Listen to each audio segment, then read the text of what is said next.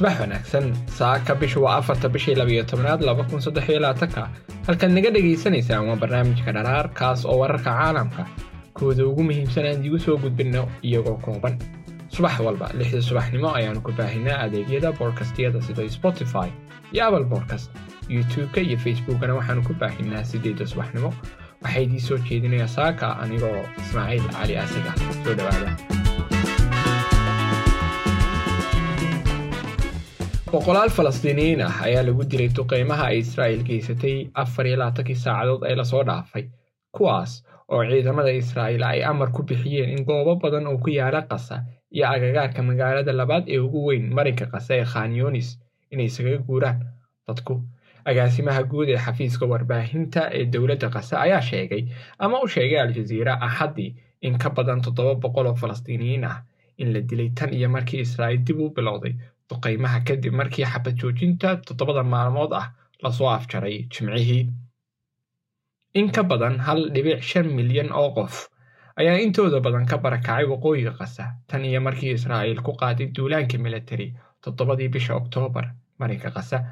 israa'iil ayaa kordhisay duqaymaha axaddii iyadoo geysatay ama iyagoo geystay duqaymo xoogan oo laga soo sheegay khanyonis rafax iyo qayba ka mid ah waqooyiga qasa oo lala beegsado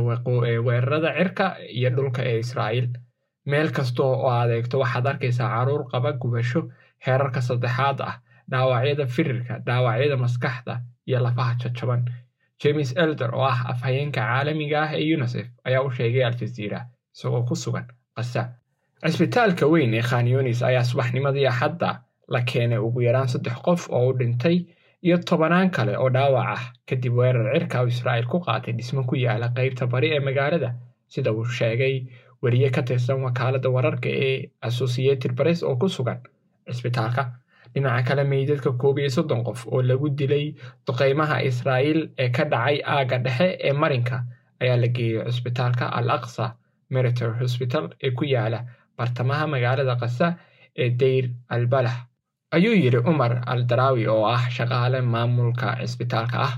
Waqooyiga qasa kooxaha samata bixinta oo wata qalab yar ayaa axaddii isku dayey inay qodaan burburka dhismooyinka xerada qaxoontiga ee jabaliya iyo xaafadaha kale ee magaalada qasa si ay u baadigoobaan dad nool iyo meydadba. Rajada laga qabay joojinta mustaqbalka ee dagaalka ayaa burburtay sabtidii markii israa'iil ay ku dhawaaqday inay ka baxday wadaxaajoodkii ka socday qatar ee dooxa iyadoo sheegtay in wadahadalku uu gaaray meel aan horsocod lahayn militariga israa'iil ayaa axaddii ballaariyay awaamirta daadguraynta khanyonis iyo nawaaxigeeda iyaga oo ku booriyey dadka deggan ugu yaraan shan aag oo dheeri ah inay u guuraan waraaqo ay qaybiyeen militarigu waxay ku amreen dadka deegaanka inay u guuraan koonfurta rabax ama aagga xeebta ee koonfur galbeed iyagoo ku nuuxnuuxsaday in khanyonis uu yahay aag dagaal oo khatar ah kooxaha xuquuqul insaanka ayaa walaac ka muujiyay weerarada isa soo taraya israa'iil